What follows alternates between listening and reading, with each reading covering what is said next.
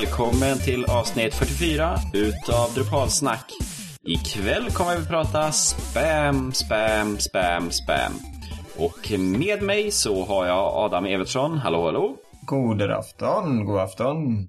Och det var vi som var här ikväll. Men eh, det, vi ska nog kunna köta ändå. Du, det brukar aldrig vara något problem. Och kvällens avsnitt det sponsras ju av Kodamera, en webbyrå med inriktning på öppen källkod. Ja, Adam. Nu ska vi ju prata spam. Har du råkat ut för något spam någonting? Ja, det får jag väl erkänna att jag har gjort. Eh, både på webbplatser som i mailkorgen. Men vi kommer ju att koncentrera oss på webbplatsen och då naturligtvis Drupal webbplatser. När eh, det börjar hända konstiga saker i kommentarsfält eller bland noder. Mm. Nej, för att när man lägger ut sin Drupal-sajt så finns det ju alldeles för många olika robotar som försöker utnyttja det hela för att få in en liten kommentar med en länk till sin egen sida bara för att få upp länkkraften på andra saker eller sälja Viagra.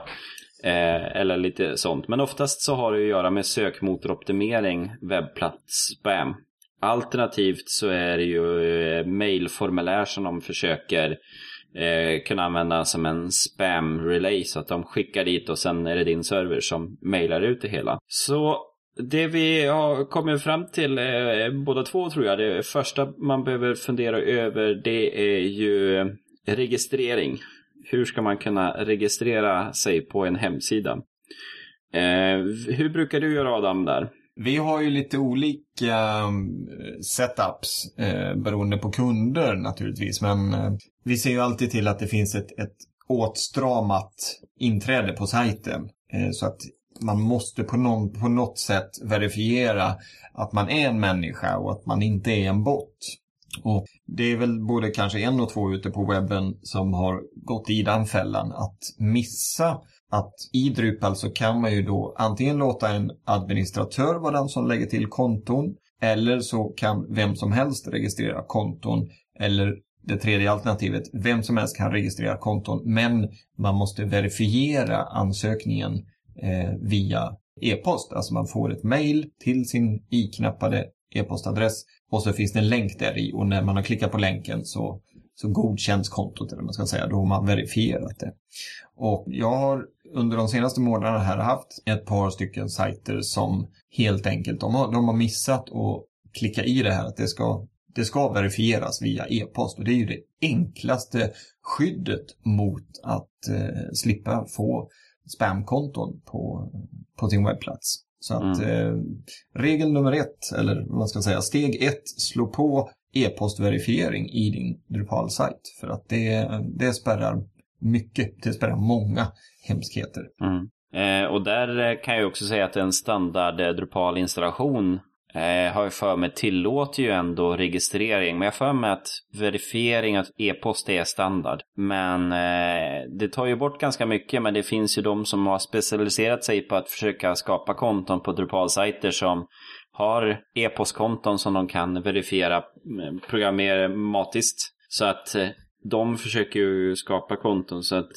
Många webbar som jag bygger, där brukar jag stänga ut av all registrering så det är bara administratören som kan skapa konton. Det är ju nästa steg och ibland så får man ju gå upp ett steg helt enkelt eh, och låta administratörerna vara de som lägger till konton.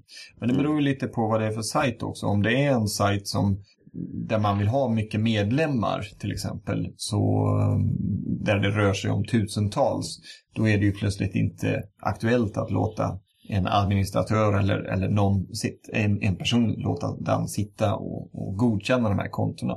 Mm. Eh, om man inte har väldigt mycket pengar och, och har någon brorson eller något som inte har något jobb. Då kan man ju sätta honom eller henne på det.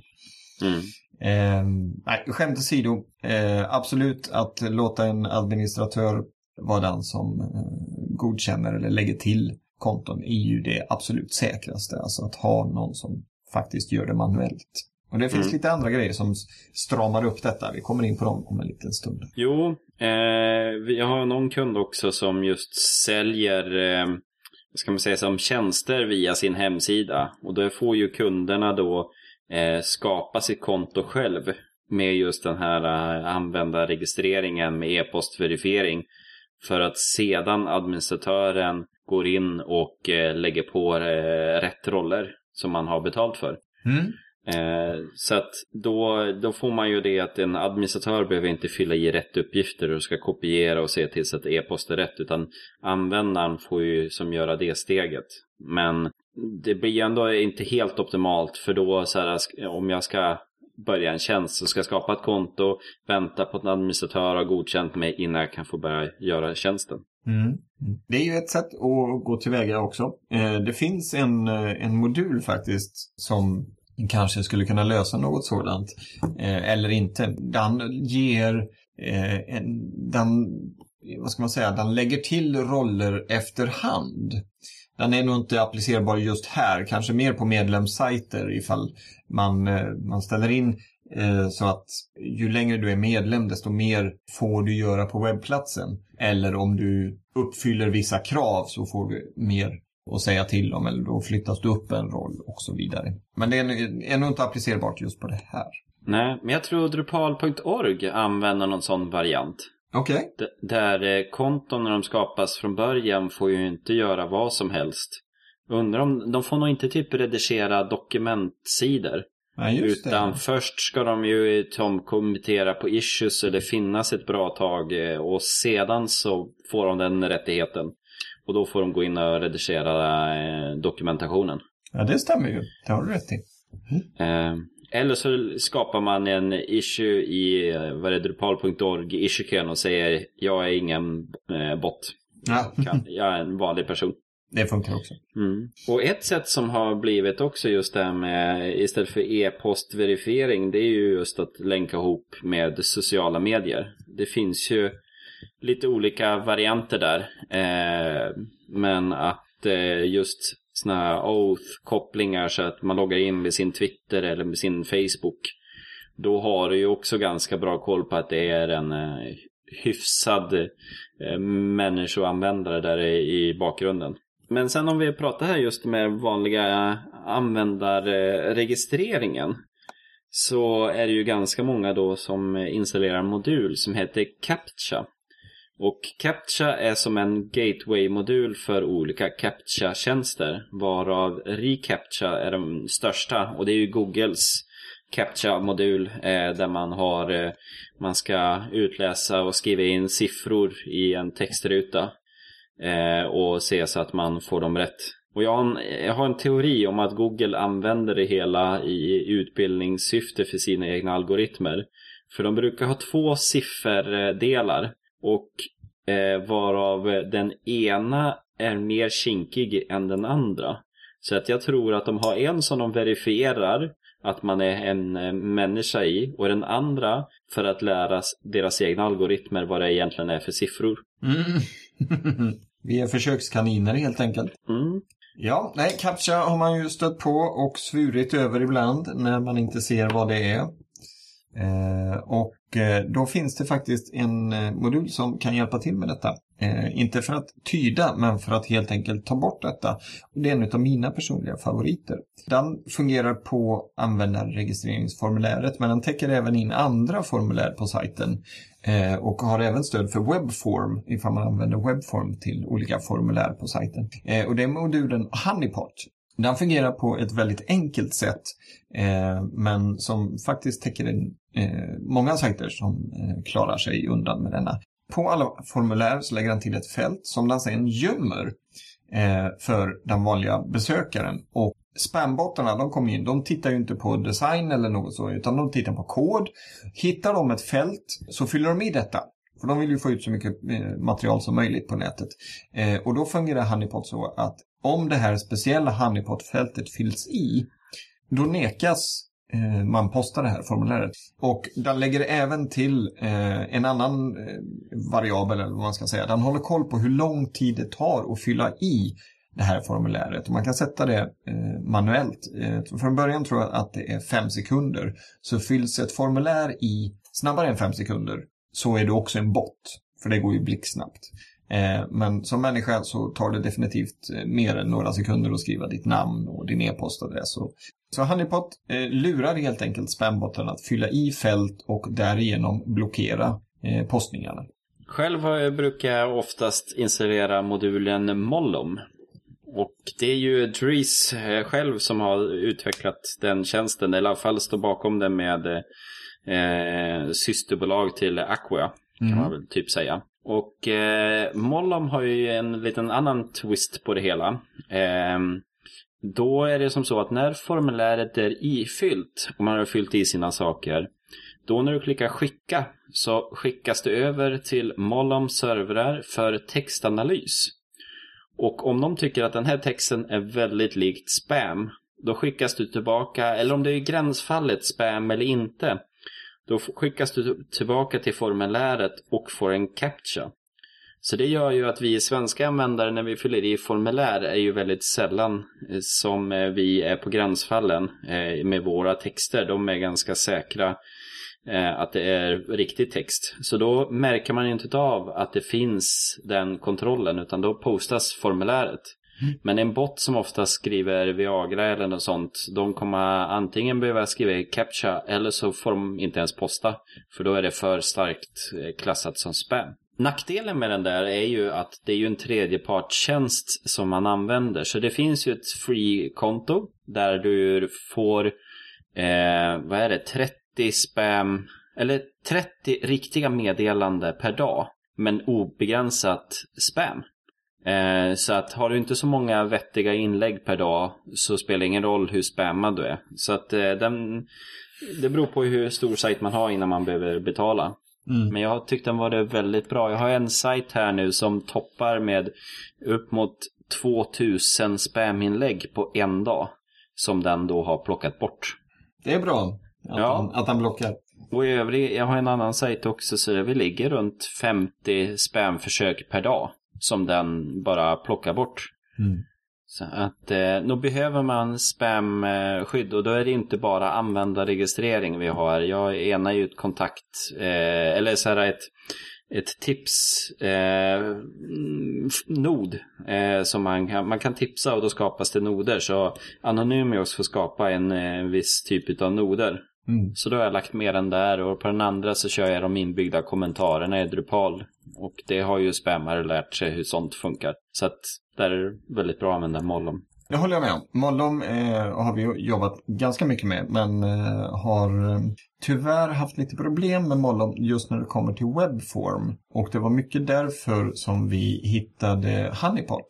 Eh, för Honeypot går även in och stödjer webform, de formulären. Ja, jag vet att när jag gjorde egna custom forms då var man tvungen att bara göra en egen hook för att få det att funka. Men jag, jag tror de borde ha fixat det för webform.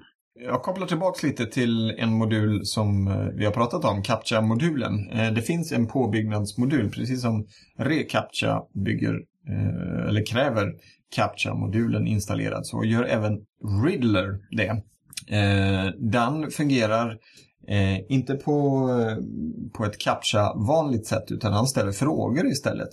Eh, helt enkelt eh, för att lista ut ifall du är en bot eller inte. Till exempel vad har en brunbjörn för färg på pälsen eller något sådant. Då ska man ju skriva i brun och inte Viagra eller något sådant. Så om man vill ha en liten eh, mer mänsklig approach på sina CAPTCHA-lösningar så kan man använda Riddler-modulen. Ja, det vet jag vissa sådana här gamla sajter som eh, gjorde bara en enkel fråga där de skriver i text vad är 5 plus 7 och skriver med svenska tecken och inte siffror. Och så skulle man skriva i det i siffror. Mm. Och det, det, var inte ens någon slump, det var samma fråga hela tiden. Så att det, det, fungerade ju så länge jag inte hade någon, någon targets-spammare eh, som vill just hacka din sida.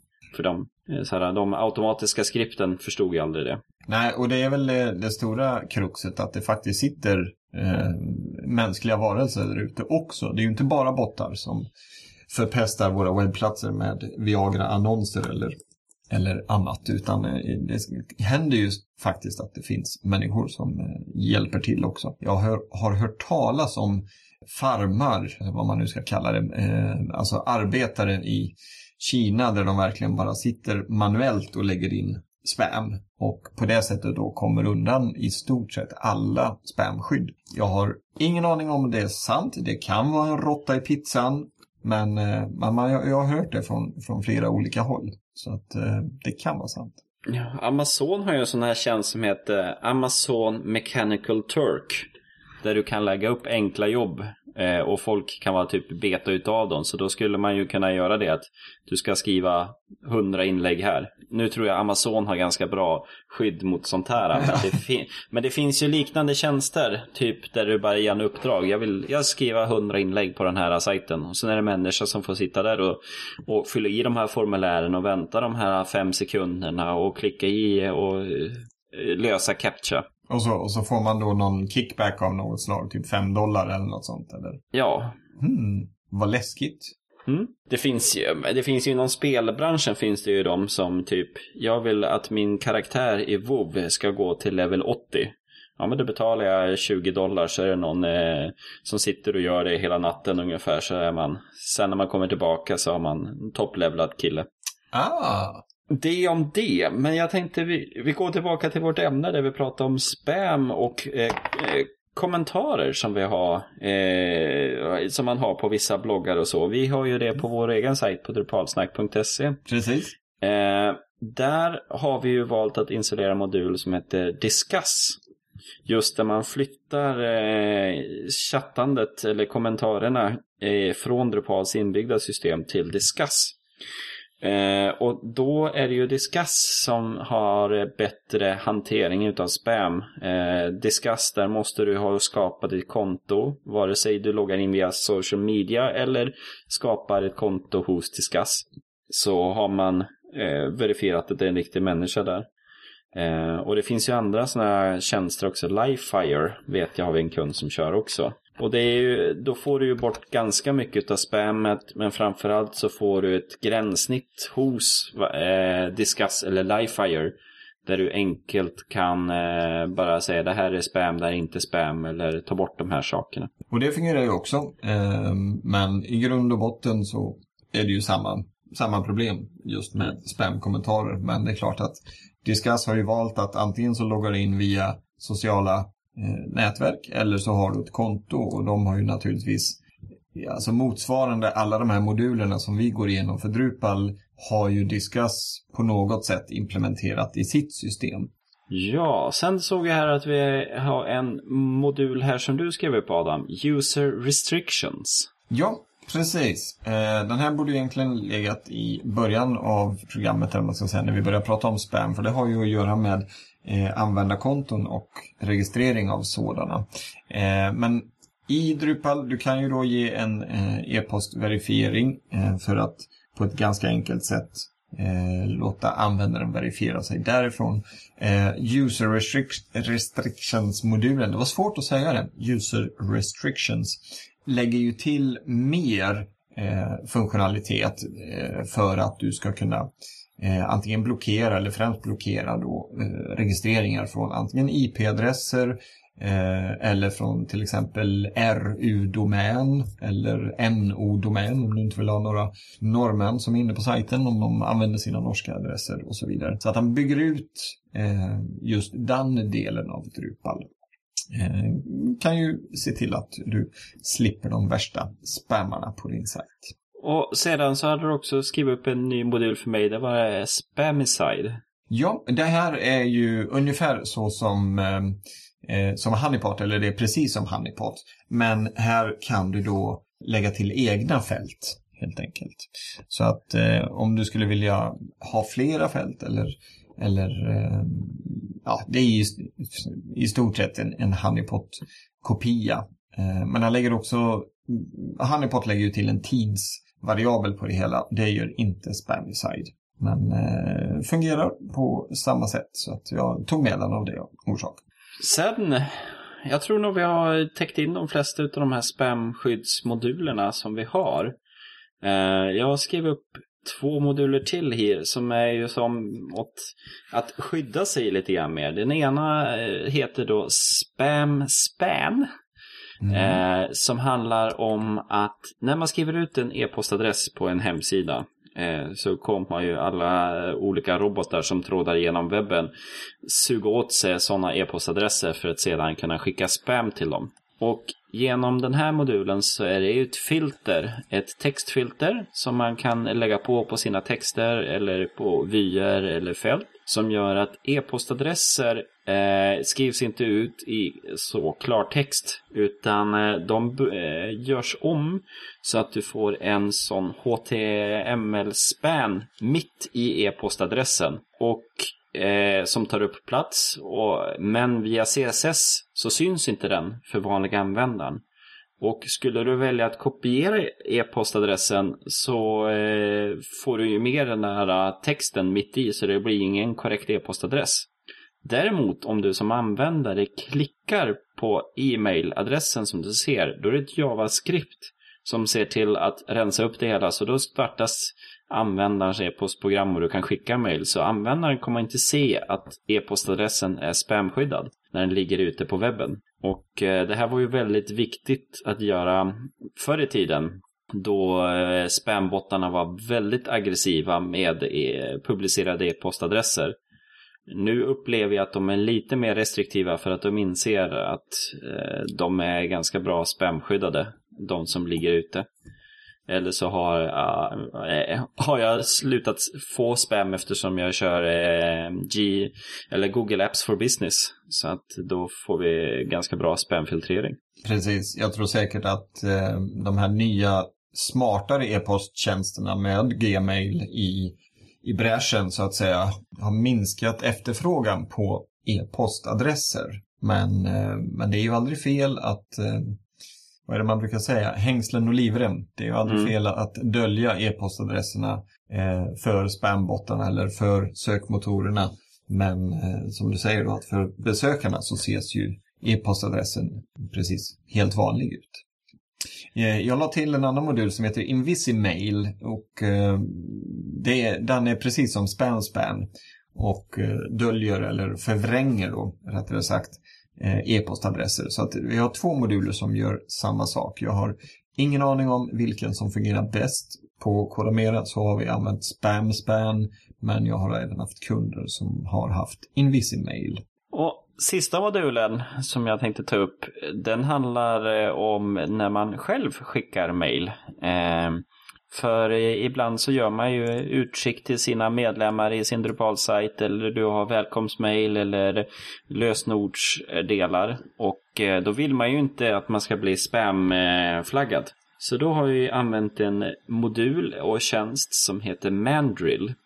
Eh, Mandrill är en e-postutskickare Eh, Mailchimp eh, använder den, eller vad man ska säga. Mailchimp är ju ett e-postutskick för eh, nyhetsbrev som vi använder till vårt nyhetsbrev. Och eh, de har ju blivit ganska bra på att se till så att sina nyhetsbrev inte spamklassas och att deras mailserver eh, följer alla standarder som ska vara. Och där har de upptäckt att deras mailserver som de har lagt ner med tid, det kan man ju eh, erbjudas som en tjänst. Som då är Mandrill. Där det finns ett freemium-variant eh, gratis upp till 25 000 mail i månaden och sen får man betala några dollar för tusen mer typ. Eh, och de eh, är väldigt bra på att se till så att eh, de följer de olika standarderna för just serverkommunikationen. Och då finns det en Drupal-modul som man kan installera som då gör att alla mail som skickas ut från Drupal-sajten inte kommer att skickas via serverns eh, e-postserver utan kommer att gå via Mandrill.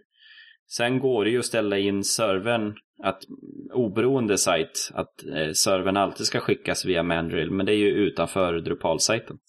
Så att eh, den skulle jag kunna rekommendera om man oftast får sina mail placerade i spamkorgen. Så kan man köra Mandrill istället för att eh, följa alla goda seder som ska vara.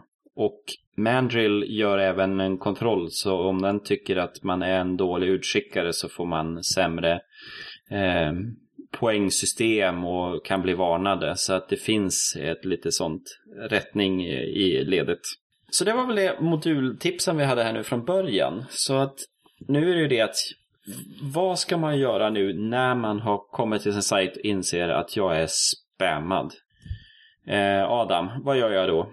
Ja, det finns lite olika sätt eh, att utgå från detta. I grund och botten kan man ju säga att man måste ju säkra upp sin sajt. Och har man drabbats av spam så har man ju på något sätt missat någonting någonstans. Och eh, oavsett så får man ju då genomgå det arbetet med att utröna var var brister säkerheten eller var brister verifieringen eh, av eh, inläggen. Men, eh, men vi har haft eh, ett gäng olika varianter genom åren och eh, vissa kunder, där har det faktiskt fungerat med att återställa från en tidigare backup. Alltså långt innan, eller långt innan, men innan spam-attackerna började. För det tar ju alltid en stund innan sajterna hittas på nätet. Och det kan ju det kan ju gå väldigt snabbt. Det kan ta några, några veckor men det kan också ta några år. Eh, och i kundens fall som bara, bara var en, en relativt enkel företagssajt med kommentarsfunktion där de inte höll på så mycket med, eh, med content eller med innehåll. Eh, då kunde vi bara backa eh, om jag minns rätt, två månader tillbaka i tiden och så tar vi den databasbackupen för de hade inte ändrat något innehåll på flera månader, vilket kanske inte är så bra, men eh, de hade inte gjort det i alla fall. Så då kunde vi ju bara plocka den backupen, återställa den och sen helt enkelt säkra upp med Mollon, med Honeypot eller vad det nu var. Jag kommer inte ihåg exakt vad vi gjorde. Men eh, det knäckte ju det hela. Eh, just i det fallet så var det ju enkel och, och bra lösning. Men ehm, har, har man inte den möjligheten då blir det lite lurigare helt enkelt. Och ehm, det, då får man ju helt enkelt börja analysera det måste man ju ändå göra då för att kunna utröna vad det är och, och täppa till de hålen. Men eh, man kan ju till exempel börja kolla i eh, kontolistan för att se, har det kommit in några nya konton på ett eller annat sätt i eh, Drupal? Eh, konton som då kan posta kommentarer eller posta noder i vissa fall. Eh, och finns det några sådana, då eh, tar man ju bort dem. Och eh, när man tar bort ett konto så får man ju välja vad som ska hända med kontot. Om det ska eh, tas bort även innehållet som det här kontots användare har skapat.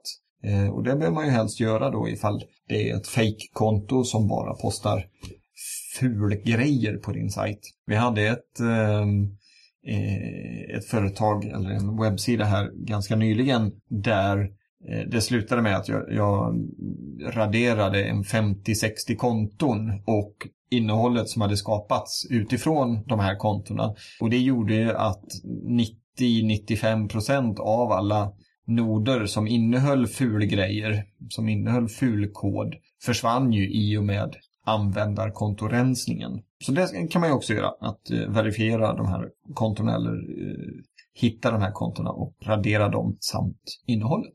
Jo, där är ju, det är ju väldigt bra då att kunna gå in på vanliga contentlistan men även commentslistan och bara sortera dem efter senaste inläggen. Då får man ganska bra överblick och har man eh, sådana här eh, view bulk operations eller andra möjligheter att bara kunna klicka i så kan man säga typ ja men hela den här sidan förutom de här de var riktiga och sen tar jag bara delete.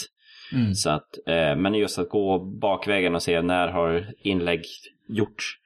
Eh, man kan ju alltid vara lite rädd, så här, är jag hackad eller inte? Men vissa spam-saker kan vara ganska uppenbart att det här är bara spam. De har mm. inte kommit in på något annat sätt. Och det kanske vi borde ha börjat med också. Vi, vi har ju alltid det här mantrat, säkerhetsuppdatera din sajt.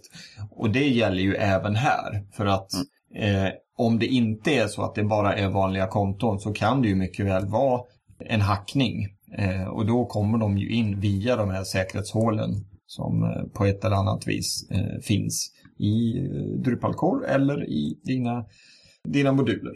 Mm. Det kan man väl lugnt säga, eller jag kan i alla fall lugnt säga det att alla de sajter som jag har haft hand om och rensat har ju haft en gemensam nämnare och det är att de har inte säkerhetsuppdaterats. Och vissa är bara ett halvår gamla, eh, vissa har funnits i flera år, men minsta gemensamma nämnaren är att de har inte säkerhetsuppdaterats och de har inte skött om sitt hus.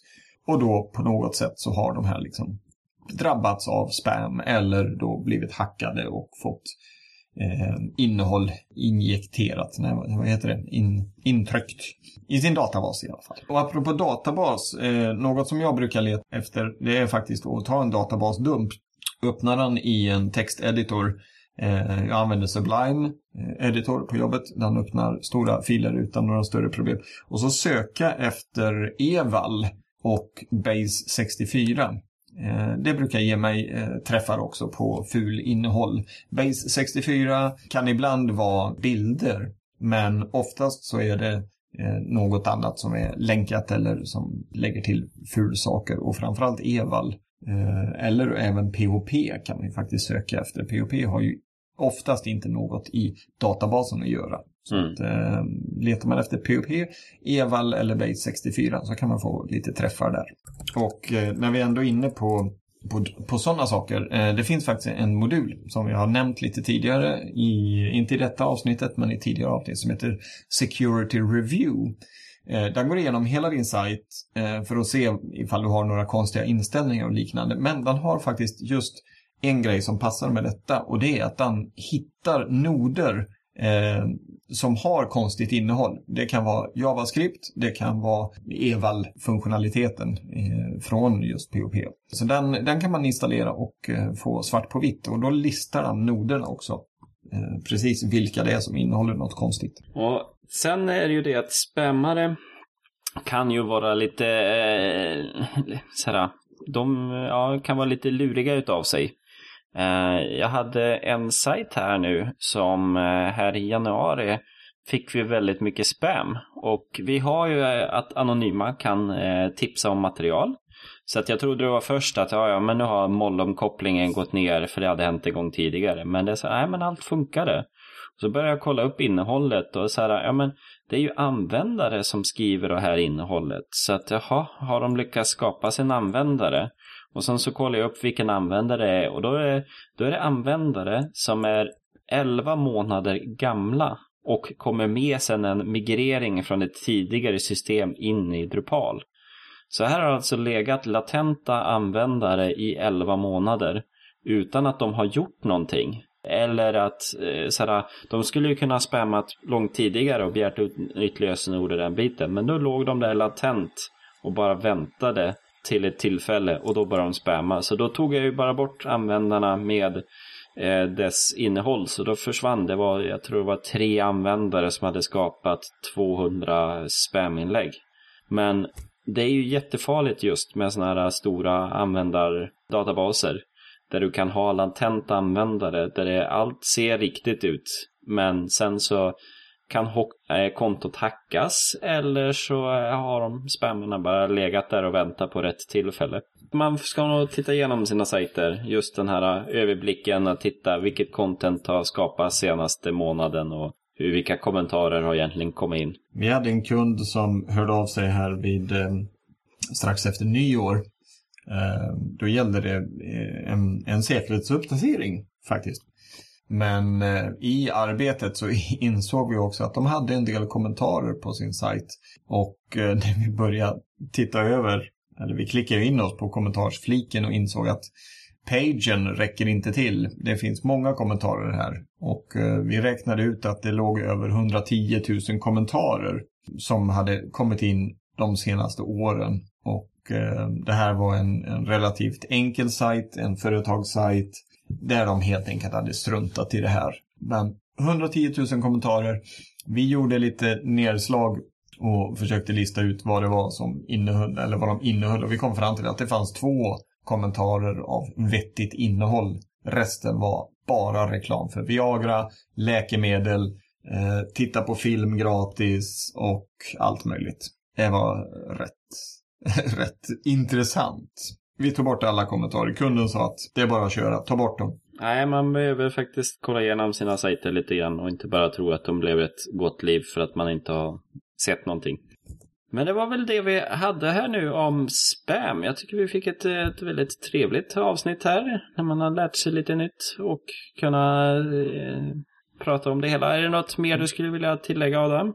Nej, jag tror att eh, vi har listat upp de, eh, den kunskap som jag har om spam och spam prevention, eller förhindring av spam, i alla fall när det kommer till Drupal-sajter. Eh, om, eh, om det är någon där ute som har någon modul vi har missat eller något sätt att förhindra spam eh, på sina sajter så står ju vårt kommentarsfält som då är diskus och därigenom eh, spam förhindrat. Eh, det står till ert förfogande. Så att eh, dela med er så plockar vi upp det i kommande avsnitt. Så vi avslutar den här kvällen innan vi går över till eftersnack.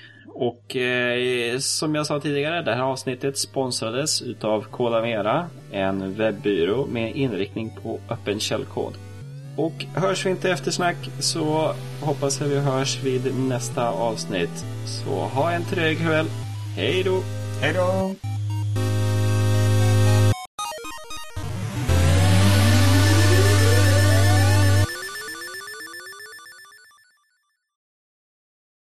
Var det jag som, som hörde dåligt eller sa du ha en trög kväll? Ja, jag försökte säga trevlig. Ja, okay. ja. Men det får de väl lyssna på efter snacket här nu då. Man, man vill höra, man hör vad man vill höra kanske. Ja. Ja. Mm. Spam, spam, spam. Monty Python blev det inte så mycket av. Eh, Nej. Jag borde ha, ha fått med lite Monty Python där, men eh, vi får väl eh, vi får väl ta en bild eller någonting från deras tv-show när vi eh, twittrar ut om det nya avsnittet helt enkelt. Ja, det är ju ganska intressant just ordet spam, vart det kommer ifrån. För det är ju den sketchen som Mm. det kommer ifrån. Precis, precis. Klassisk eh, nonsens-sketch, verkligen. Mm. Som, som bara går ut på att alla ställer sig och sjunger spam till slut. Eller inte riktigt. men- Ja. Och det är väl det är inte några svenska vikingar som kommer in där också va?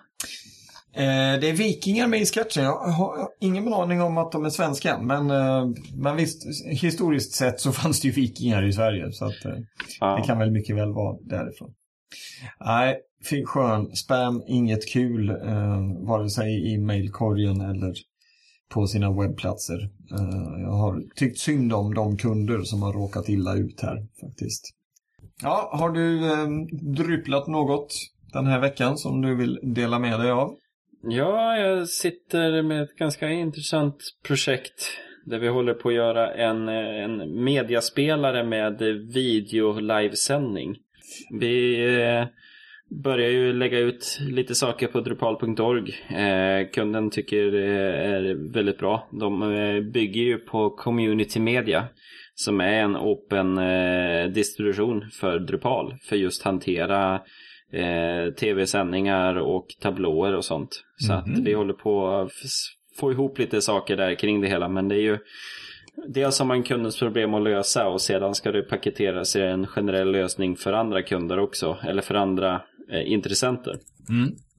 Men eh, det är alltid intressant när teknik börjar få ihop och man kan ha eh, live-tittare som eh, tittar på en livestream och kan ha uppdaterad information runt omkring vad som händer på videon. Ja, Så att vi får väl se, jag vill nog återkomma med det hela när vi har kommit förbi våra betaversioner och kan stå för det vi har gjort. Mm. Intressant. Ja, Kul. Ja, det får vi definitivt återkomma till. Ja. själv då? Vad har, du haft något roligt för det? Ja, i förra veckan så väckte jag liv i en gammal sajt. Eh, fast den, den är inte så livlig än så länge. Men jag hade ju en sajt som jag pysslade med för lite över ett år sedan som heter Sveriges sexiga geografi. Eh, där jag håller på och listar eh, ortsnamn som, eh, som eh, helt enkelt låter snuskiga. Så som Pökvattnet, eh, Trosa, eh, Ballefjongaberga och så vidare. Eh, och eh, den, jag har haft så mycket annat att göra så att jag har inte, jag har inte gjort något med den. Eh, från början så var det en, en ASP-webbplats men eh, eftersom jag började jobba med Drupal så, så vill jag ju få över allt i Drupal. Speciellt när jag vet att man kan göra schyssta kartlösningar. Mm. Och, eh, så nu håller jag på att flytta över Eh, alla de här eh, ställena och så letar jag upp dem på karta då. Eh, medelst medels lite olika moduler för att göra det enkelt för mig. Men det är inte alltid det är så enkelt. Men det, den, den har legat nere väldigt länge och i förra veckan så bara, ja man vill nog köra igång lite med den i alla fall. Så att eh, jag, eh, jag håller på och gör någon slags design på den just nu lite snabbt. Och så ska jag bara rapa upp alla i en lång listning. Eh, och så får jag ta kartlösningen längre fram när jag har mer tid. Mm. Eh, för den, den kartlösningen som jag har är jättesnygg men den funkar inte. Eh, det blir massa buggar och sånt och eh, jag har inte lyckats lösa dem. Så att nu ska jag bara få över allting till Drupal och så ska jag få en lång listning så att sajten inte bara finns där och så säger den att ah, jag håller på att jobba på det och så står det ett datum från 2013 eller något sådant. Ja. Eh, Så det har jag börjat pyssla med. Och eh, ja, gjorde ett litet ryck. Så det ska, den ska jag försöka få ut den i, i fungerande version här de närmsta veckorna. Och så eh, kan jag ta kartlösningen sen till sommaren eller något när, när det regnar. Ja. Eh, annars så har det ju varit eh, på jobbet naturligtvis massa druplande, bland annat då sajter som har blivit hackade. Där återigen minsta gemensamma nämnaren är att eh, de inte har säkerhetsuppdaterat på ett tag. Eh, men eh, jag har en kund nu, eh, väldigt intressant. Det här är alltså ett projekt som har eh, om jag förstår saken rätt, eh, för de vill inte säga det rakt ut, men läser man mellan raderna så är detta ett projekt som har utlokaliserats till någonstans i Asien. Eh, och de har använt så konstiga lösningar. De lägger till, jag tror vi är uppe eh, mellan 15 och 20 filer har de lagt till i Core bara för att hantera databaskopplingar till höger och vänster. Eh, och det är så här, varför då? Och så börjar man rota i det lite och så, jaha, ja, ja, de här utgår från att de inte kommer att lägga upp det på en server där de har kontroll på servern. Så då löser de mail och allting, databaskopplingar, löser de liksom i andra filer.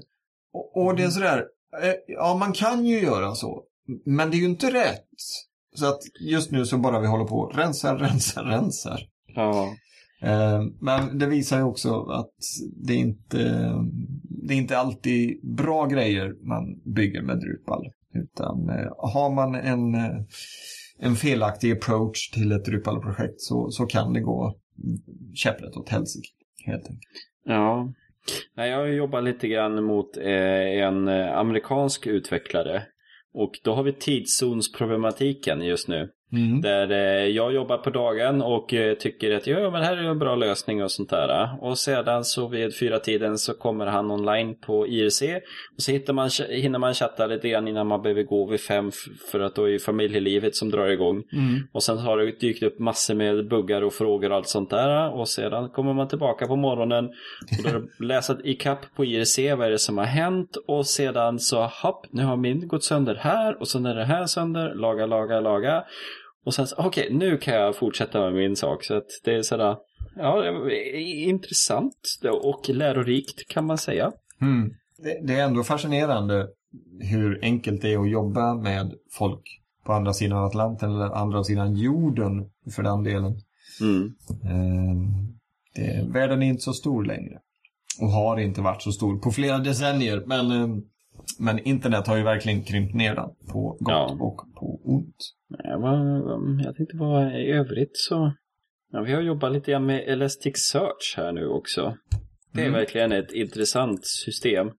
Där eh, standardkonfigurationen för Elasticsearch det är en eh, total kommenterad fil utan något vettigt innehåll. Ingen eh, riktig rad i den utan det är bara kommentarer. Typ att vill du ge den här noden ett riktigt namn? Bortkommentera den här raden. I alla fall så genererar vi upp ett random namn på noden. Och så är det massor med saker som, eh, det är hur enkelt som helst att installera för du kör igång bara en binär fil så då är den igång. Och eh, då hittar den eh, portnummer nästkommande som är ledigt och ger den ett random namn så kan du börja använda det hela. Sen finns det tusen inställningar du kan göra om du vill eh, bli mer avancerad. Men att komma igång är väldigt enkelt. Mm. Men då hamnade vi i att vi hade eh, produktion, eh, stage och dev jobbade ju mot samma Elasticsearch-server. Och om då produktion trycker in sin data och du ska söka på det hela och sen har du utvecklingsservern som tycker att nej men jag rensar det som är där för att jag ska lägga in min utvecklingsdata. Då hamnar du i konflikt.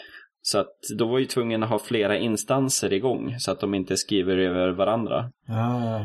Och det du gör då med Elasticsearch, det är att du äh, kör igång samma sak. Då är serien att första portnumret är upptaget, då tar vi nästa portnummer. Och då så här, fick man igång en till instans. Så att det var, det var ganska enkelt att få igång. Men det går ju att krångla till det. Men hittills så var det ganska enkelt. Mm. Mm. Intressant. Mm. Ja, sök på webbplatser, är, det har man ju sett allt möjligt. Från hur enkla sökfält som helst eller där de använder Drupals interna sök till eh, tredjepartskopplingar som är out of this world. Mm. Nej, vi har en, eh, en del där vi så här funderar hur vi ska göra det hela. En, en typ av jobbdatabas inom en bransch. Mm. Och eh, då fick vi så här kopia på en annan sajt eh, hur den fungerade. Och då är det här med location. Att eh, du ska kunna söka på vars det är någonstans. Ja, just det. Och då i den grundutförandet, ja, då började du skriva in, då listade den alla städer i det namnet och gjorde en sån sökning, eh, eller så här filtrering på, på de orterna som finns i landet.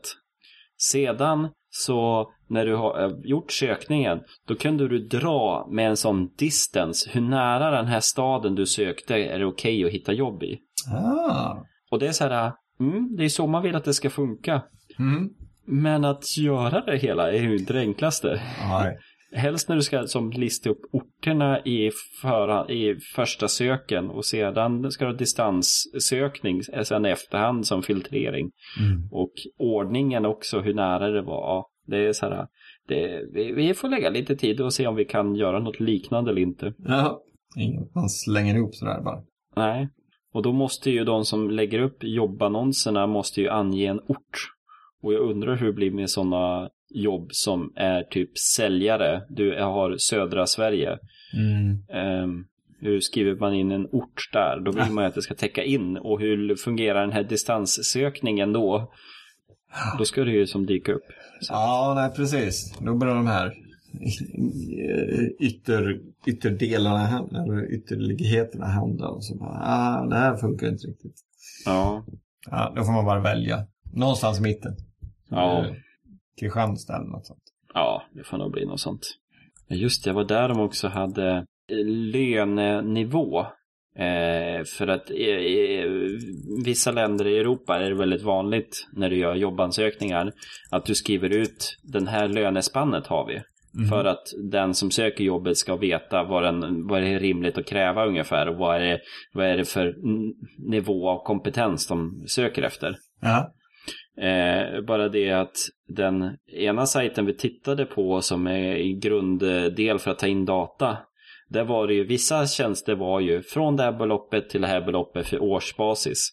Sen så kommer du in på en säljarjobb då det var från det här till det här plus 3-9% utav totala försäljningen. Sedan så hade du plus 1-3% utav årsomsättningen med ett maximum på det här beloppet per år.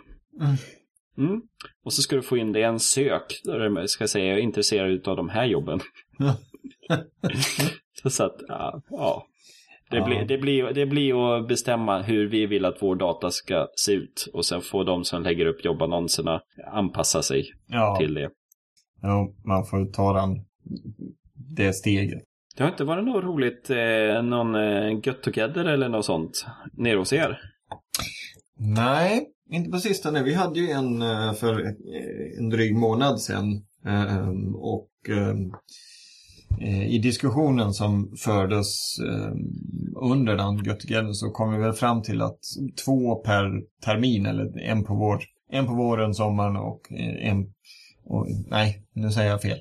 Fyra om året kan vi säga är nog lagom för Göteborg. Så att eh, vi hoppas väl att någon ska fånga upp det i, i Göteborg här och, och anordna en Get Together. Men eh, nej, det har inte varit något mer eh, just för det. Vi borde ta tag och göra någonting här uppe hos oss också. Men det var, vi har haft så hög belastning på jobbet så att det har som inte funnits tid och energi. Men eh, ja, någonting här nu i vår. Mm. Jag undrar vad som händer med eh, om det blir någon camp i Stockholm eller inte. Det känns lite eh, sådär osäkert just nu skulle jag säga. Ja, vi har ju Moa som, som jobbar uppe på Wunderkraut som är med och, och gör Drupalsnack här. Vi får väl få pumpa henne på lite information. Hon har ju ett finger med i spelet där. Jag hoppas att det ska bli någonting. Eh, och eh, jag är ju glad att det inte har blivit någonting näst, nästa helg. För på två, två eller tre år på raken här så har de ju lyckats placera Drupal Camp Stockholm när jag har varit och åkt skidor. Eh, och det ska jag göra även i år. Men de har ju inte kommit ut med att det är Drupal eh, Camp. Eh, vilket eh, glädjer mig helt enkelt. Eh, men eh, kanske lite längre fram i vår. Man kan ju Ja. hoppas. Eller ett sommarcamp. Det har ju snackats om att eh, eh, göra något tältcamp. Eh, där alla tältar och bor över natt eller något sådant. Hade Mm. kunnat vara lite kul också. Jag undrar om det är någonting i Finland där. Eh, vi har ju Drupikal-sajten där som Mm, vi ska kolla och se om det är någonting där i Finland. Nej, ingenting in, inmatat där än så att... Ja, Mm. får vi se. Vad det blir. Eh. Det är väldigt mycket i England. Eller rätt sagt Storbritannien. Storbritannien. Mm. Ja, nej, just det. Drupal Camp London är ju här snart. Mm. Nästa helg, eller förlåt, nu till helgen. Eh, 26, 27, 28. Just det, det brukar ju vara rätt bra. Mm. Jag hade gärna velat åka dit, men eh, det blev lite doktorspromoveringar som eh, jag fick åka på istället. Mm. Ja, sen har det hänt ganska mycket med Drupal 8. Jag följer nyheterna men jag eh, skriver ju inte så mycket om det hela. Men eh, vad var det jag läste? Vi ska se Drupal Core Updates här nu. Vi är ju nere på, vi ska se här, 56 critical. Och när de är över då är det ju en release candidate. Så att eh, det finns ju några sådana grafer som visar eh, att det, det har ju typ halverats senaste månaden ungefär. Eller om det är, ja, två månader.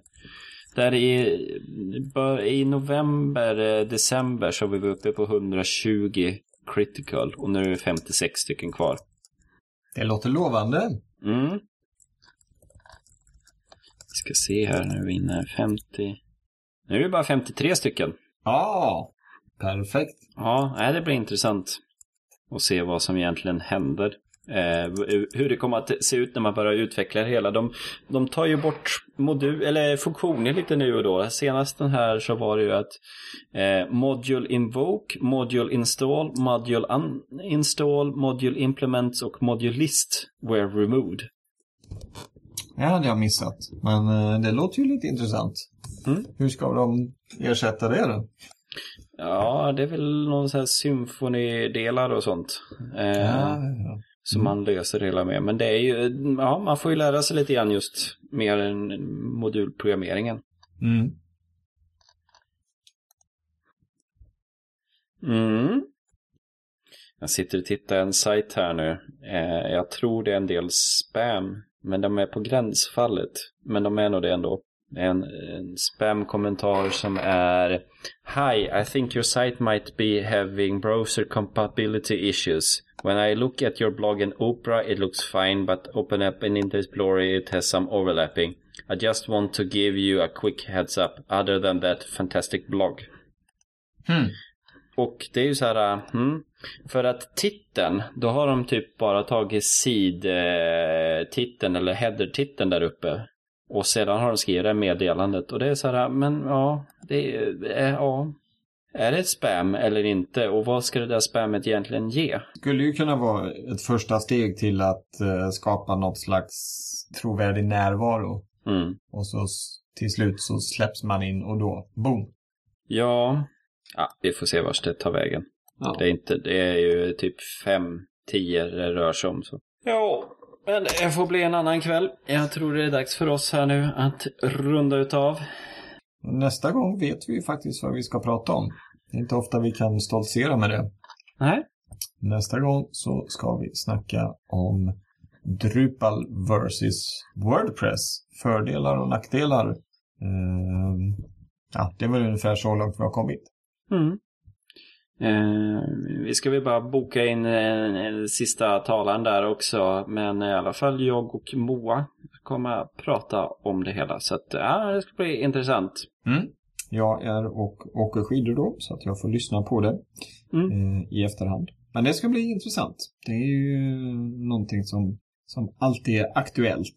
Så när du kommer tillbaka så har vi bytt namn till Wordpress Snack. ja, okej. Fine. En, en kupp blir det helt enkelt. Undrar vad Fredrik skulle säga om det. Ja, det, det får vi väl se. Men ehm, tack för ikväll, Kristoffer. Tack själv. Och tack alla våra lyssnare som är och lyssnar på oss. Med de orden så säger jag tack och godnatt. Godnatt!